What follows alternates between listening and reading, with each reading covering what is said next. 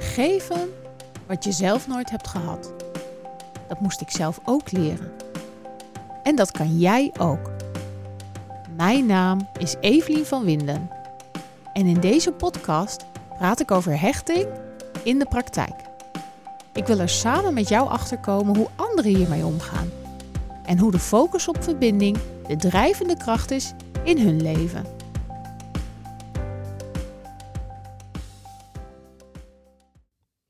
Hey, wat leuk dat je weer luistert. Een nieuwe podcast van de kracht van relatie. Vanavond spreek ik met vader van vier kinderen. Welkom Art. Leuk om hier te zijn. Fijn dat je er bent. Leuk ook om uh, met jou te spreken over hechting. En uh, wat dat uh, met mijn situatie heeft gedaan of doet. En, dus ik ben heel benieuwd. Hey Art, jij bent zoals ik al aankondigde, hè? je bent vader van vier kinderen. Je hebt uh, twee kinderen uit een eerder huwelijk en je bent nu getrouwd. Ja. Hè? En uit ja. dat huidige huwelijk heb jij ook twee kinderen. Ja, dat klopt. In totaal vier, waarvan twee eerder huwelijk. En uh, daar ben ik super blij mee met alle vier de kindjes. Of kinderen, ze zijn ook al groot. En ik ben super trots op hen allemaal. Uh, ik voel me heel erg verbonden met hen allemaal. Alleen de relatie is natuurlijk wel heel anders. Met de oudste twee heb ik een wat andere band door de scheiding en alles wat daarmee gebeurd is, heb ik wel een. Uh, is de relatie in stand gehouden, maar dat was niet per se heel makkelijk. Terug naar de context. Hè. Uh, jij hebt kinderen in, uh, in, in, in verschillende categorieën. Ja. Hè, heb ik begrepen. wat zijn de leeftijden van deze kinderen? mijn oudste zoon is 22. Mijn oudste dochter is 18. En mijn jongste twee, dus een jongetje van 11 en een meisje van 8. Dus het is een wijde variëteit. En wel heel erg leuk, jongetje, meisje en nog een keer jongetje, meisje met precies tien jaar ertussen. Dus uh, dat vind ik wel heel mooi. Het is ook heel mooi om die kinderen te zien opgroeien in alle fases. De oudste wat meer van veraf, toch wel. En de jongste natuurlijk nog heel erg dichtbij. En ik heb wel het geluk gehad dat ik de oudste kinderen heel lang daarvoor heb kunnen zorgen. Uh, gewoon in, binnen het huwelijk. En daarna heb ik vijf jaar co-ouderschap uh, gehad, gelukkig. Daar ben ik heel erg blij mee geweest. Ik zag ze de helft van de week en de weekenden om en om. Dat was voor de kinderen best wel lastig. Ik zie het ook om me heen, dat mensen daar soms mee stoeien. Kinderen met name. En mijn kinderen hebben uiteindelijk uh, wel op een gegeven moment aangegeven na het co-ouderschap, of in de periode van het co-ouderschap, we willen graag bij mama zijn. Omdat uit het tassen leven toch best lastig is en het uh, een behoorlijke wissel op hen trok. Ik heb dat heel erg moeilijk gevonden, maar ik ben er wel in meegegaan. Omdat ik niet wilde touw trekken over de relatie. En heb ik er wel voor gekozen om tot op zekere hoogte iets los te laten. En dat was heel moeilijk. Ja, want even terug te komen, hè, daar wil ik het straks nog heel graag met je over hebben. Hè, wat uh, over dat loslaten en het touw trekken. Ik denk dat veel ouders die in zo'n situatie zitten als jij uh, daarmee te maken hebben, die zich daar vast ook zullen in uh, herkennen. Ja. Je zegt het co-ouderschap ging goed. Ja, het ging uh, eigenlijk best goed. We hadden een regeling getroffen. Ik en mijn ex gingen in het begin aardig, later een stuk minder. Maar dat doet eigenlijk niet zoveel toe. Het ligt ook helemaal niet aan, aan wie het ligt. Het ging gewoon niet zo lekker. En ondanks dat is het wel gelukt om vijf jaar lang te zorgen dat dat co-ouderschap werkte. Dat de kinderen bij mij konden zijn, bij mijn ex-vrouw konden zijn. Dat ze denk ik op beide plekken naar hun zin hebben gehad. En dus ja, de co-ouderschap heeft een tijd goed gewerkt. Ja, want ik word dan gelijk wel nieuwsgierig van wat maakte dan precies dat die omslagpunt? Wat als het zo goed ging, waarom? Hè, want je vertelt ze zijn bij hun moeder gaan wonen. Ja. Hè, wat, wat is daar de aanleiding voor geweest? Of wat? Ja de precieze aanleiding, dat is natuurlijk maar net ook vanaf welke perspectief je het bekijkt. Uh, vanuit mijn perspectief hebben de kinderen inderdaad wel aangegeven, en dat lag ook wel aan de uh, troubles die we hebben gehad in, in het uh, staartje van het cohorderschap. Het, het, toch wel een beetje trekken en het ging over geld en het ging over de kinderen zien en over belangen toch wel. En ik leed daar zelf ook onder en de kinderen leden daar ook onder. Waarschijnlijk mijn ex ook. En we hebben uiteindelijk besloten dat het beter was als de kinderen daar zouden zijn. Dat heeft me heel veel gekost. Ik vond dat heel erg moeilijk. Ik ben daar heel erg lang ook verdrietig over geweest. Toch denk ik, achteraf, dat het goed is geweest. Ja, dat kan ik nu wel zeggen. Wat, wat was jouw standpunt toen je, je bent gaan scheiden? Je hebt toen gekozen met je uh, eerste vrouw voor een uh, co-ouderschapregeling, ja. een omgangsregeling met de kinderen. Waarom heb je daar toen voor gekozen? Wat is je, jouw, of was toen jouw overtuiging daarin als het ging om jouw kinderen? Nou, de intentie van ons beiden destijds was wel, we willen goed zorgen voor de kinderen. Uh, daar stonden we allebei samen wel op hetzelfde manier in. Dus we wilden dat allebei de kinderen zagen. Die scheiding die mocht er niet toe leiden dat uh, zij of ik de kinderen niet zouden zien. En dat hebben we geregeld. Eigenlijk in eerste instantie wel in goede harmonie. En hebben we wat zaken op papier gezet en hebben daar ook uh, nou ja, zoveel mogelijk naar geleefd. Uh, zoals dat gaat met formele documenten, weet je, dat is een beetje sleets. Dingen gaan lopen anders. Maar ik ben wel heel blij dat ik de kinderen heb kunnen zien en dat ik ook de, mijn verantwoordelijkheid kon nemen als werkende man om hen uh, te zien en leuke dingen te doen en de relatie ook uh, goed te houden, hen te zien opvoeden en eigenlijk ook, dat heb ik later heel erg gemist, verzorgen. Het klinkt echt heel erg stom, maar het is super fijn om je kinderen te verzorgen. Om tanden te poetsen samen, om nageltjes te knippen, om uh, tasjes in te pakken. Om allemaal dat soort praktische dingen te doen, waar je eigenlijk als ouder niet bij stilstaat. Dan, soms denken ouders ook gewoon, dat is allemaal vervelend je moet van alles, het is altijd druk. En dan moet weer een tas ingepakt en de, de bakjes schoongemaakt en verzin het allemaal, alles wat er moet. Maar ergens is dat zorgen voor is wel verbinding. Daarmee kan je ook aan, zeker aan jonge kinderen laten zien dat je om ze geeft en van ze houdt. En ik heb dat heel erg fijn gevonden. Dat vind ik nog steeds met, met mijn jongste kinderen. Al zijn die bijna op de leeftijd dat ook veel meer zelf gebeurt. Dat heb ik heel erg gewaardeerd en ook ontzettend gemist toen de co-ouderschap over was. Ik heb natuurlijk nog wel dingen met ze gedaan en uitgenodigd en we hebben daarna relatie gehouden. Maar, maar zeg maar dat, dat echte verzorgende en het continu in elkaars omgeving zijn, dat was op een zeker moment wel over. En dat lag aan niemand. De intentie van hen was niet om mij niet meer te zien. Maar vanaf het moment dat ik dat heb vrij en losgelaten, voelde het in het begin wel echt dat ik ze kwijt was. Daar ben ik heel verdrietig over geweest. Ik heb dat heel erg moeilijk gevonden. En ben er ook gefrustreerd en boos en van alles over geweest. En ik heb me wel daar overheen kunnen zetten. En de keuze kunnen maken om altijd de relatie te laten gaan boven nou, het fysiek elkaar zien. Of dat af te dwingen via een rechter of wat dan ook.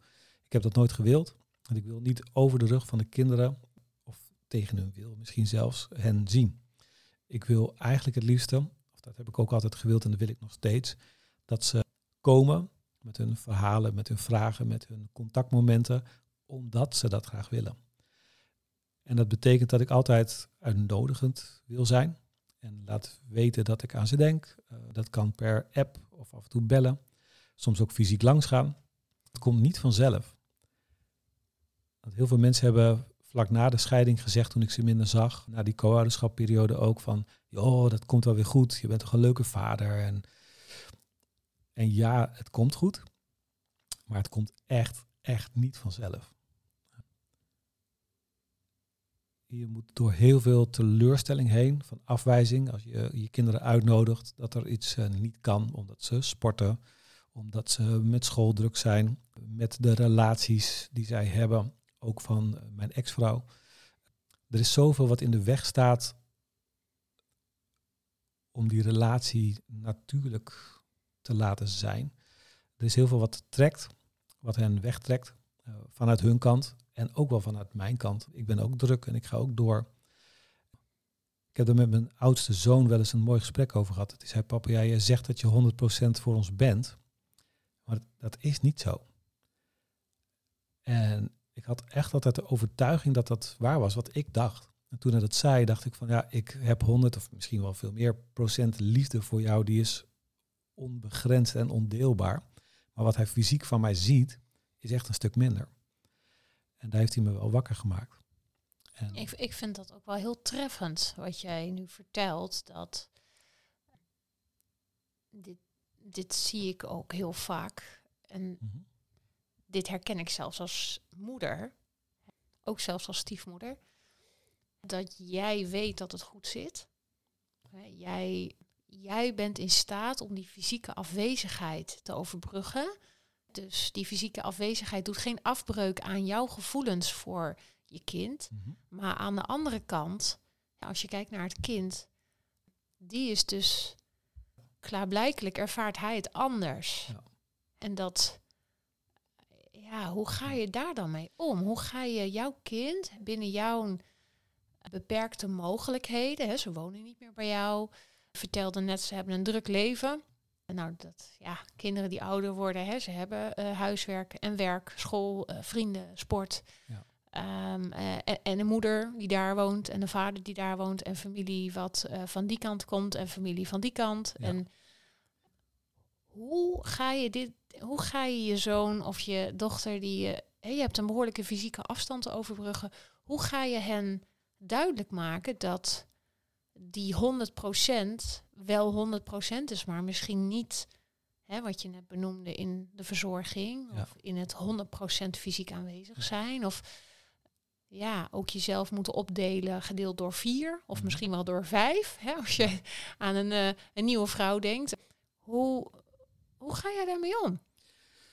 Nou, een van de mooie dingen is dat mijn zoon dat überhaupt vertelde aan mij. Dat, dat zegt iets over hem. Dat zegt iets over onze relatie. Dat hij dat kon zeggen. Ik heb ook altijd geprobeerd te laten weten dat ik niet boos ben over wat zij vinden, denken of voelen. Ze mogen anders denken over de situatie, over alles in het leven. En ik vind het mooi om daarover te spreken. En over de rol die ik daarin kan nemen. Het feit dat hij dat vertelde. En mijn oudste dochter in mindere mate. Maar die heeft ook eigenlijk hetzelfde. Die zit op handbal. En ik heb echt heel weinig bij haar handbal gekeken. Door die afstand en het moeilijk te managen zijn van al die verschillende belangen. Dus ook zij zal hebben gevoeld dat ik er niet altijd fysiek voor haar ben. En dat dat die liefde die ik voel en die ik wil geven, dat die niet altijd op diezelfde manier overkomt. Dus daar ben ik me wel bewust van geworden. En hoe doe ik dat dan wel, vraag je? Is eigenlijk kinderen van deze tijd, die bellen niet zo vaak. Ja. Ze nemen niet op. En dat, is, dat ligt niet aan mijn kinderen, dat zie ik bij iedereen om me heen. Ik zie het zelfs bij de jongere medewerkers op mijn werk. Hè, die, die bellen bijna niet meer. Dat is ouderwets. En ik heb die verwachting nog wel dat ze opnemen. En dat, dat is niet altijd terecht. Dus wat er wel veel gebeurt is via de WhatsApp. Soms inderdaad ook wel even fysiek langs gaan. eh, in combinatie met een appje van, joh, ik ben in de buurt. Uh, zullen we even lunchen? Of zo een ijsje eten? Of, en dat gebeurt niet wekelijks. En het gebeurt ook niet maandelijks. Maar ik probeer wel zoveel mogelijk te laten weten dat ik aan ze denk. Als de tentamenweek begint of als er een eh, gebeurtenis in hun leven is die belangrijk is, maar ook als het niet belangrijk is. Gewoon, ik denk aan je, ik hou van je. Ik probeer niet zoveel ik mis je te zeggen, want dat is vanuit mijn perspectief. Misschien is het goed om wel af en toe juist ook wel te doen. Eh, Te laten weten dat ik aan ze denk en dat ik er ben. En dat het lijntje altijd open is. En dat kan misschien betekenen dat er even een maand niks gebeurt. Maar dat daarna, als er iets in hun leven gebeurt wat noemenswaardig is, of ze denken even aan me dat ik, dat ik er ben en dat er een lijntje is die ze op kunnen pakken. Want ik zou letterlijk, als het verkeerd gaat met het uitgaan of wat dan ook, naar ze toe gaan om ze op te halen uit een onveilige situatie. Of als er iets ergs is, dat ik er voor ze ben. Weten ze dat ook? Ik denk van wel. En ik ben er een beetje voorzichtig in, want ik moet niet invullen. Ja. Dat zou ik echt aan hen moeten vragen. En ik vind ze geweldig. En hoe ze het allemaal doen. Want ik heb gevoelens bij die scheiding. Eh, en dat is al 12, 13 jaar geleden. En voor hen is dat ook gewoon echt heel erg complex, denk ik, is het beste woord. Het is niet goed of slecht, het is gewoon wel complex. En ook het feit dat ik eigenlijk met mijn ex op dit moment niet. Ik heb geen relatie met haar op geen enkele manier. Het is niet goed of slecht, het is er gewoon niet meer. En ik denk dat dat voor hun op de een manier het makkelijker maakt. Maar ik merk dat ze er allebei wel last van hebben. Want als er dingen zijn waarbij we bijvoorbeeld samen zouden moeten komen met een evenement of een examenuitreiking, een diploma-uitreiking, dan hebben ze liever niet dat we samen zijn. En ik heb daar inmiddels geen moeite meer mee. Dat heb ik denk ik wel gehad. Maar voor hen is dat zo moeilijk dat ze liever hebben dat ik er gewoon niet bij ben. En maar het, het is wel jammer, toch? Ik bedoel, iedereen, dat zijn momenten waar je het over hebt, hè? Ehm, waar je toch als ouder graag bij wil zijn, toch? Dat is. Ja.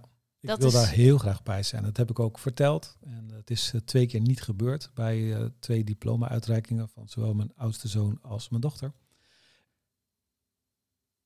Op je strepen gaan staan versus loslaten en hopen en denken en soms weten dat dat het beste is om te doen. En er op een andere manier te laten zijn door stuur eens een foto, hoe was het? Uh, je kan natuurlijk heel veel daaromheen doen. Maar ik was niet fysiek aanwezig daar. En het is maar één keer zo'n moment en ik heb hem wel gemist.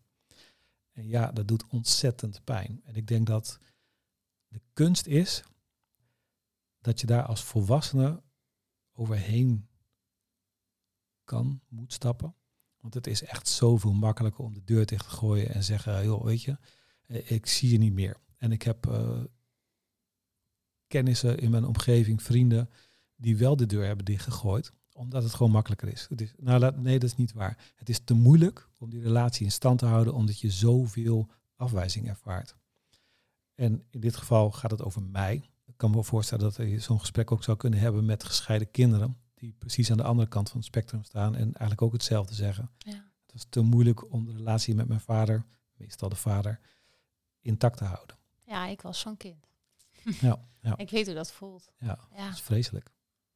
Maar het, maar ik vind het wel heel mooi als ik kijk, hè, dat, dat, dat is natuurlijk een heel ander onderwerp. Hè, daar kan ik een heel andere podcast uh, over houden. Maar vanuit de oude perspectief ben jij altijd degene die. Hè, de ouder is altijd verantwoordelijk voor de relatie. Ja. Ook al duwt het kindje weg. Hè, ik, ik, moet nu ook even denken aan, aan al die verstoten ouders. Hè, dat verstoten ouderschap. Je hebt zo weinig om op te gaan. Eigenlijk, een verstoten ouder heeft eigenlijk niks meer om op te gaan. Hè? Jij vertelt dat jij nog wel kleine, jij vindt creatieve manieren en er zijn kleine dingetjes, maar jij vindt ze wel. Er zijn dingen om op te gaan en er zijn manieren om de relatie levend te houden, om je kinderen eh, te laten merken dat je van ze houdt en dat je deur altijd open staat en alle voorbeelden die je net hebt gegeven. Maar als je, hoe, wat vind jij daarvan? Die verstoten ouder die gewoon eigenlijk, hè, er zijn hier ouders in Nederland die gewoon helemaal niks meer hebben om op te gaan. Ja, nou die zijn er. En dat is natuurlijk vreselijk. Dat de relaties zo slecht zijn dat dat niet meer kan. Wat ik net al zei, ik denk dat dat meestal vaders zijn die aan de verkeerde kant van het spectrum zitten. Wat, wat bedoel je daarmee? Nou, dat uh, ik denk in de maatschappij is algemeenheid dat je ziet dat waar het precies aan ligt, dat weet ik niet goed genoeg. Ik heb er wel een mooi, heel mooi artikel over gelezen. Maar dat je vaak ziet dat de vaders degene zijn die meer uit het zicht verdwijnen. Om verschillende redenen, denk ik. Dat ik denk dat er heel veel ouders, meestal vaders, aan de verkeerde kant van die batterij zitten. En dat eigenlijk ook wel misschien te makkelijk accepteren. Want ik heb ook gedacht, moet ik hier keihard met een gestrekt been ingaan? Moet ik voor mijn recht vechten? Moet ik tot het gaatje gaan om mijn kinderen wel te zien met een regeling en met uh, rechters en advocaten om je gelijk te halen? Nou ja, je gelijk te halen. Kijk, het uh, je deel te halen. Ja, je kinderen bij je te houden. hè? Daar gaat het om. Ja. Dat... En ik heb daar echt over nagedacht. En dat is natuurlijk een geldkwestie enerzijds, maar het is ook een emotionele kwestie. En je kunt je afvragen, wat win je ermee? Want je krijgt misschien het recht om je kinderen eh, te zien. En dat is heel wat waard. Laat dat even voorop staan. Ik heb gekozen om dat gevecht niet aan te gaan, omdat ik denk en nog steeds ervan overtuigd ben dat dat te veel kost, dat die prijs te hoog is. Natuurlijk heb ik wel er volop ingezet dat ik hen kan zien, dat ik relatie met ze heb, dat ik leuke dingen kan doen met ze en ook moeilijke gesprekken kan hebben en dat ze er mogen ervaren dat ik niet omval als ze tegen me aanduwen en dat ik die teleurstelling wel aan kan en dat als ze boos zijn, dat gewoon mogen laten zien want zij hebben ook heel veel frustratie, boosheid en woede. En misschien allerlei sentimenten die ik niet eens weet. Over mij of over de situatie. Wat je net zei, hè, de, de volwassene is altijd verantwoordelijk voor de relatie. Als het fout gaat, ligt het per definitie niet aan het kind. Misschien wel aan de relatie van de ouders. Dat is tegenwoordig, uh, hoor je vechtscheidingen en weet ik veel wat. Dat heb ik gelukkig niet gehad. Het is later met name slecht geworden. Maar er is natuurlijk ontzettend veel kinderleed in deze wereld. Uh, door scheidingen ook. En slechte scheidingen. En het, het verharden in de maatschappij en het verharden van relaties. Even over jouw huidige gezin. Ja. Hoe gaat dat? Hoe gaat die mix? Als we het even hebben over relatie. Ja, je bent gescheiden, je bent een opnieuw getrouwd. Ja. Twee kinderen. Hoe gaat dat met al die vier kinderen en een nieuwe vrouw? En... Uh, makkelijk en moeilijk tegelijk. Makkelijk omdat ik uh, graag weer ben getrouwd. Heel fijn vind om in deze nieuwe relatie te zitten. Ik zeg nieuw, maar dat is natuurlijk uh, ook alweer heel wat jaartjes. Ik ben ook weer super blij dat ik weer twee mooie en leuke en gezonde kinderen heb. Waar ik ook weer graag voor zorg. Dat in combinatie met de twee oudere kinderen, dat is niet zo als dat ik zou willen. Misschien is het goed om dat te zeggen. Ik zou veel meer uh, mijn oudste kinderen ook weer bij de relatie willen hebben.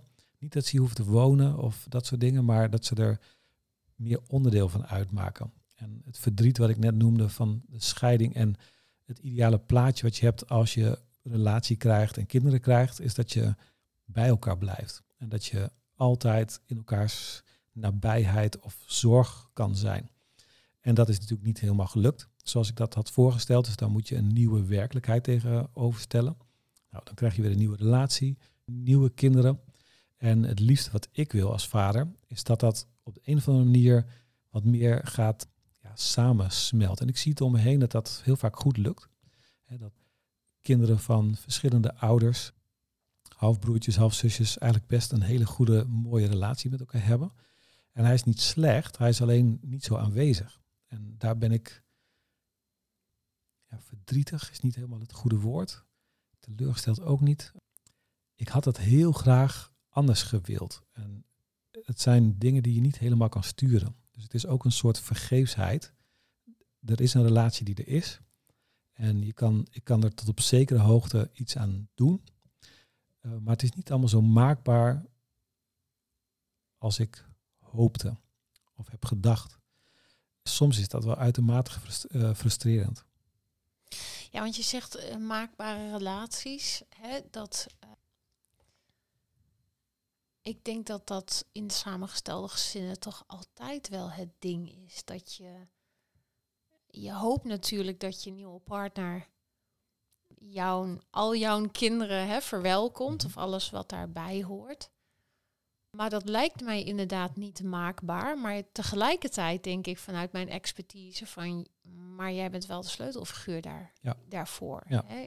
Natuurlijk heb je te maken met allerlei hechtingsdynamieken. Hè? Als je het hebt over polariserende energie, hè, waarin die energie van nature al aanwezig is. Mhm. Hè? Als, als, uh, nou, het heeft met verdiepende hechting te maken.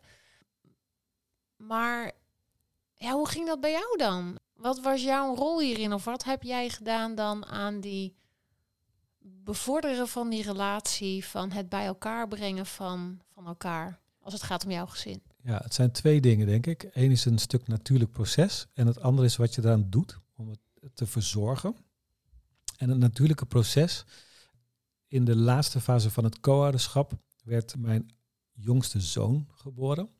En die heeft nog meegemaakt, een paar jaar, dat hij met uh, uh, in, in hetzelfde huis woonde. En die heeft daar echt hele warme gevoelens bij. die was niet alleen, die was met een oudere broer en zus. En dat heeft hij een paar jaar nog bewust meegemaakt. En hij heeft ook een andere band met de oudste kinderen. Van nature noem ik dat maar eventjes. Omdat die verzorging, de, wonen in een huis, dat is allemaal samen. Die natuurlijke relatie, hè, die met bij elkaar wonen, verzorgen, elkaar kennen in alles wat je doet. dat is één ding. En vrij snel daarna ging dat natuurlijk over. Uh, maar mag ik, als, als ik even mag inbreken bij jou. Mm natuurlijk bij elkaar wonen wil natuurlijk niet per definitie zeggen dat er een relatie is. Hè? Ik bedoel, er zijn genoeg samengestelde gezinnen die met elkaar wonen en de dingen met elkaar doen en leven, maar die weinig relatie hebben met elkaar. Die praktisch, nou, krijgen ze het voor elkaar dat het loopt, maar. Mhm. Nou, ik denk dat dat wel natuurlijk is gegaan. Die relatie met de, oude, de jongste zoon uh, er wel is gekomen. Toen uh, mijn jongste dochter werd geboren, was het een beetje anders. Ik weet van mijn oudste dochter, die vond het eigenlijk geweldig dat er nog een zusje kwam. Dat was echt helemaal het einde. Dat, dat heeft ze ook opgeschreven, weet ik nog. Uh, tekeningen gemaakt, ze was ook nog jong. Maar toen het echt een feit was, was het ook wel weer een ding. Weet je, er was nog weer een kindje bij. Ik moest mijn tijd nog meer verdelen. Het was bij ons drukker in huis, letterlijk. Dat zijn allemaal factoren die misschien ook wel hebben meegespeeld in het feit dat zo'n co-ouderschap eh, toch ook wel is, is gestopt. Dat ze meer rust wilden, andere dingen wilden. En dat klinkt een beetje hard dat ik dat zo zeg. Ik denk ook niet dat dat de hoofdreden is. Maar het heeft wel invloed gehad, denk ik, op keuzes. Zo jong als ze waren, met alle beïnvloeding in hun omgeving die er is geweest. En eh, als het gaat om het maakbaar zijn. Ehm, de herinneringen die je later wilt vertellen, die moet je nu maken. Dat hangt bij ons op het toilet. En ik ben me er wel van bewust dat als ik zelf nu geen actie onderneem om leuke dingen te organiseren, of uh, daar in ieder geval voor te, naar te streven, dan gaat dat nooit gebeuren. Ook daar ben ik weer verantwoordelijk voor. Ik vind het ontzettend leuk dat ik uh, af en toe uit eten ga. Kinderen of met mijn oudste dochter ga schaatsen of soms naar de bioscoop of andere dingen onderneem. Maar ik zou het ook heel erg leuk vinden en daar wil ik eigenlijk meer aan werken. Anders gaat het niet gebeuren. En als ik dat wil, als een herinnering voor later moet ik dat nu doen. Is eigenlijk organiseren dat we meer samen zijn. Ja, want daar, daar ben ik eigenlijk, daar ben ik heel nieuwsgierig naar. Van hoe zorg jij ervoor en hoe breng jij de boel bij elkaar? En dat, kijk, ik, ik, ik ben me heel goed bewust van dat, dat, dat je niet 100% die invloed hebt, maar je kan die relatie wel bevorderen. He, jij kan wel iedereen een plekje geven binnen die hechtingskring mhm. en iedereen aan elkaar als het ware introduceren, matchen. Je kan wel, hè, wij zeggen altijd, eh, ik, ik zeg altijd in mijn cursussen ook, hè, jij bent de zon in het zonnestelsel. Hè, dus jij bent, als iedereen naar jou kijkt en jij bent de belangrijke figuur van al die kinderen en van jouw vrouw of uh, jouw ex-vrouw, dan ben jij degene, hè, jij bent de sleutel, als, jij bent de verbindende factor.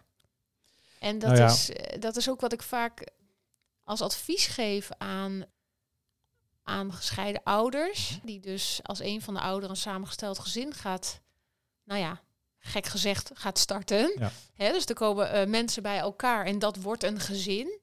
Probeer ik dat bewustzijn altijd wel mee te geven van jij bent de verbindende factor. Jij bent ook de verbindende factor als het gaat uh, om jouw um, nieuwe partner en ex-partner. En ook over de kinderen die allemaal bij elkaar worden gebracht. En ja, kun je er dan voor zorgen dat het 100% goede relaties worden? Nou, misschien niet, maar je kan wel het bevorderen en het uitnodigen. Hmm. En, je, en je bent wel, ja, je bent een heel belangrijk uh, sleutelfiguur daarin. Hoe ervaar jij dat? Nou, ik denk dat het helemaal waar is wat je zegt. En dat onderschrijf ik ook. En tegelijkertijd ben ik me er heel erg van bewust dat ik nog lang niet doe wat ik wil of zou kunnen. Ik kan daar veel meer in, in doen. Het speelt mij soms ook wel eens apart de afwijzing die je krijgt, hè, dat het niet lukt. Uh, dat is toch altijd wel even slikken. Uh, dus dat zit wel in de weg om elke keer weer iets nieuws te bedenken of te organiseren. Maar ik blijf het zeker doen. En ik denk dat er nog de wereld aan mogelijkheden ligt. En mijn kinderen worden ook ouder. Die krijgen ook een andere relatie met mij, met uh, uh, mijn nieuwe gezin. Wat ik hoop en eigenlijk ook wil voeden, is dat er interesse in elkaar ontstaat. In hun broers en zusjes. Van, van de jongste naar de oudste en andersom. En ik schep er wel genoegen in om plannetjes te maken om dat voor elkaar te krijgen. En ik denk dat ik daar inderdaad nog veel meer mee kan doen. Uh, misschien wel leuk, een tijdje geleden was ik bij, dat is eigenlijk niet zo leuk, de begrafenis van een, een, uh, man die ik goed ken, een, een, oudere man. Hij was in de tachtig. En er was een neefje, die had in die had een toespraak over dat opa eigenlijk zo'n verbindende factor was van alle neven en nichten en broers en zusjes en alle kleinkinderen zeg maar bij elkaar. Omdat die opa eigenlijk steeds vragen stelde aan één van die kleinkinderen om iets te doen naar de ander. En daarmee was hij een ontzettende verbinder van dat hele gezin. En iedereen wist iets van elkaar. En iedereen had iets voor elkaar over en deed iets uh, van oud naar jong en van jong naar oud. En als er iemand een beetje buiten de boot dreigde te vallen, dan gaf opa weer een, een uh, ja, bijna een opdracht van uh, ga je eens even contact zoeken met of doe eens even dit. iets verbindends. En dat heeft me heel geraakt. Dat vond ik echt heel mooi om te horen dat kleinkinderen dat over hun opa vertelden. En dat ze daar bewust van waren. ik denk tijdens hun tijdens zijn leven relatief onbewust, maar nu die er niet meer was, dat ze echt zeiden dat hij een verbindende factor was. En dan gaat het dus niet over scheiding of wat dan ook, maar gewoon je kleinkinderen bij elkaar brengen. En hoe belangrijk dat is door kleine dingetjes te doen. Dus ik ben een lerende.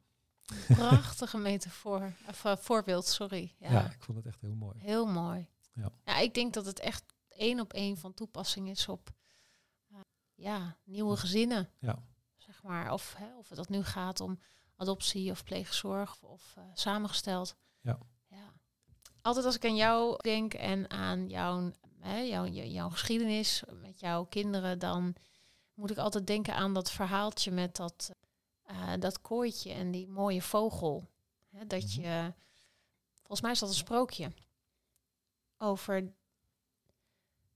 Volgens mij is dat, ik, moet eventjes het voor me halen hoe dat verhaal ook weer ging. Maar de, de crux was dat die hoofdrolspeler in dat verhaal zo gek was op dat vogeltje en zo verliefd was op dat mhm. vogeltje en zo trots erop was dat hij hem in een kooitje opsluiten. Ja. Terwijl die vogel het mooiste zong als hij zijn vrijheid had. Ja. Volgens mij is het het sprookje van de Chinese nachtegaal. Is dat de Chinese nachtegaal? Oh ja. Ik hou ontzettend veel van sprookjes. En het is waar wat je zegt. De koning, de keizer, die wilde dat vogeltje vangen, want die wilde dat bij zich hebben continu.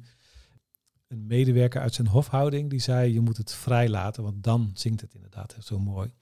Het is mooi dat je dat aanhaalt, want ik hou van dat verhaal. En ik geloof daar ook echt in. Je hebt ook zo'n metafoor van knijpen in het zand of je hand open houden zodat het zand erin blijft liggen dat is eigenlijk wat ik met alle relaties probeer. Maar ook zeker met die van mijn kinderen. Op basis van vertrouwen, je hand open houden uh, en zorgen dat het erin blijft liggen. Of het vogeltje vrijlaten zodat hij zingen kan en zijn mooiste zelf kan zijn. Bij mij of niet bij mij. Maar dat ze weten dat ik er ben en dat ik degene ben die hen die vrijheid en die ontwikkel, ontwikkelvrijheid gun en daarin geïnteresseerd ben. Want geïnteresseerdheid is denk ik, ik had het net over appjes sturen en dingetjes doen, maar eigenlijk echt geïnteresseerd zijn in je kinderen in dit geval. Ja. En daar ook nooit mee ophouden. Klopt. Ook al zie je ze niet, ja. ook al hoor je ze niet. Ja. Ik kan me herinneren toen ik kind was. Nou, ik, ik heb een hele doos met uh, mijn, mijn vader ging toen ik vijf jaar was werken in het buitenland. Waar hij jaren is, uh, na de scheiding van mijn ouders, jaren mhm. heeft gewerkt. Ik heb hem niet gezien, maar ik heb een hele doos vol met kaarten en briefjes van hem. Pas na zijn overlijden, um, met het openen van die doos, kwam het besef bij mij dat hij dat dat zijn manier was om te blijven vasthouden aan mij en dat mij te vertellen was zeker niet perfect en er was van alles mis, maar ik kan lezen door zijn kaarten heen dat hij heel graag zijn mij wil vertellen dat hij van me houdt en dat hij ja, zijn affectie wil tonen aan mij. Hij was verreweg van een goede vader, maar dat is wel wat hij trachtte te doen. En dat, dat nou, ik, ik vind dat zo mooi, Art, dat jij dat zegt, hè, van als het om je kinderen gaat, dat je soms ja, de situatie anders is dan je graag had gewild. En het geeft veel pijn en verdriet, maar je moet er wel zijn en wel blijven. Zonder meer, ja. Laat, laat niet eh, los, hè. laat die handdoek niet in die ring. Gooi nou, die handdoek ik zou niet tegen in die ring. andere vaders, ouders willen zeggen dat uh, dat wat je wel terugkrijgt, is vele malen mooier dan de pijn die je hebt van het niet lukken van sommige initiatieven of de afwijzing die er soms is. Uh, want die relatie is zo belangrijk. En je kinderen die ontwikkelen zich langzamerhand ook naar volwassen mensen. En wat jij net beschrijft is eigenlijk heel mooi, want je hebt die brieven gelezen toen je volwassen was je kan nu zien wat hij wel heeft gedaan, terwijl je dat als kind misschien hebt uh, gemist en niet hebt ervaren. En ik hoop dat ik erin kan slagen dat ze wel bij mijn leven kunnen voelen dat ik van ze hou, dat ik voor ze ben. En dat die relatie er uh, nou, in ieder geval iets meer is dan alleen maar brieven in een oude doos. Ik ben slecht een hele slechte brievenschrijver, dus uh, die hebben ze niet van me. dus daar was jouw vader dan alweer een stukje beter in op dat gebied. Ja, mooie boodschap Art. Ik ja, vind het heel mooi dat je hier uh, je kwetsbaarheid uh, wilde neerleggen over jouw situatie. En ja, over jouw misschien niet perfecte situatie, maar dat je daarin wel zoekende bent naar wat er wel kan en hoe jij ja, vorm wil geven aan de relatie boven de gecompliceerdheid laten uitstijgen. En dat, dat maakt jou een hele mooie vader. Ja. ja, dankjewel. Ook een hele kwetsbare. Ik heb de wijsheid niet in pacht. Ik uh, probeer. Dat zal ik blijven doen. En uh, ik heb heel veel te leren en dat wil ik ook graag. Dankjewel Art voor dit gesprek. Dankjewel voor de uitnodiging. Fijn om uh, te delen. Vond je dit nou interessant? Of misschien heb je wel een vraag? Of wil je gewoon meer over mij weten? Kijk dan even op mijn website www.evelinevanwinden.nl En Eveline is met een y. Doen hoor!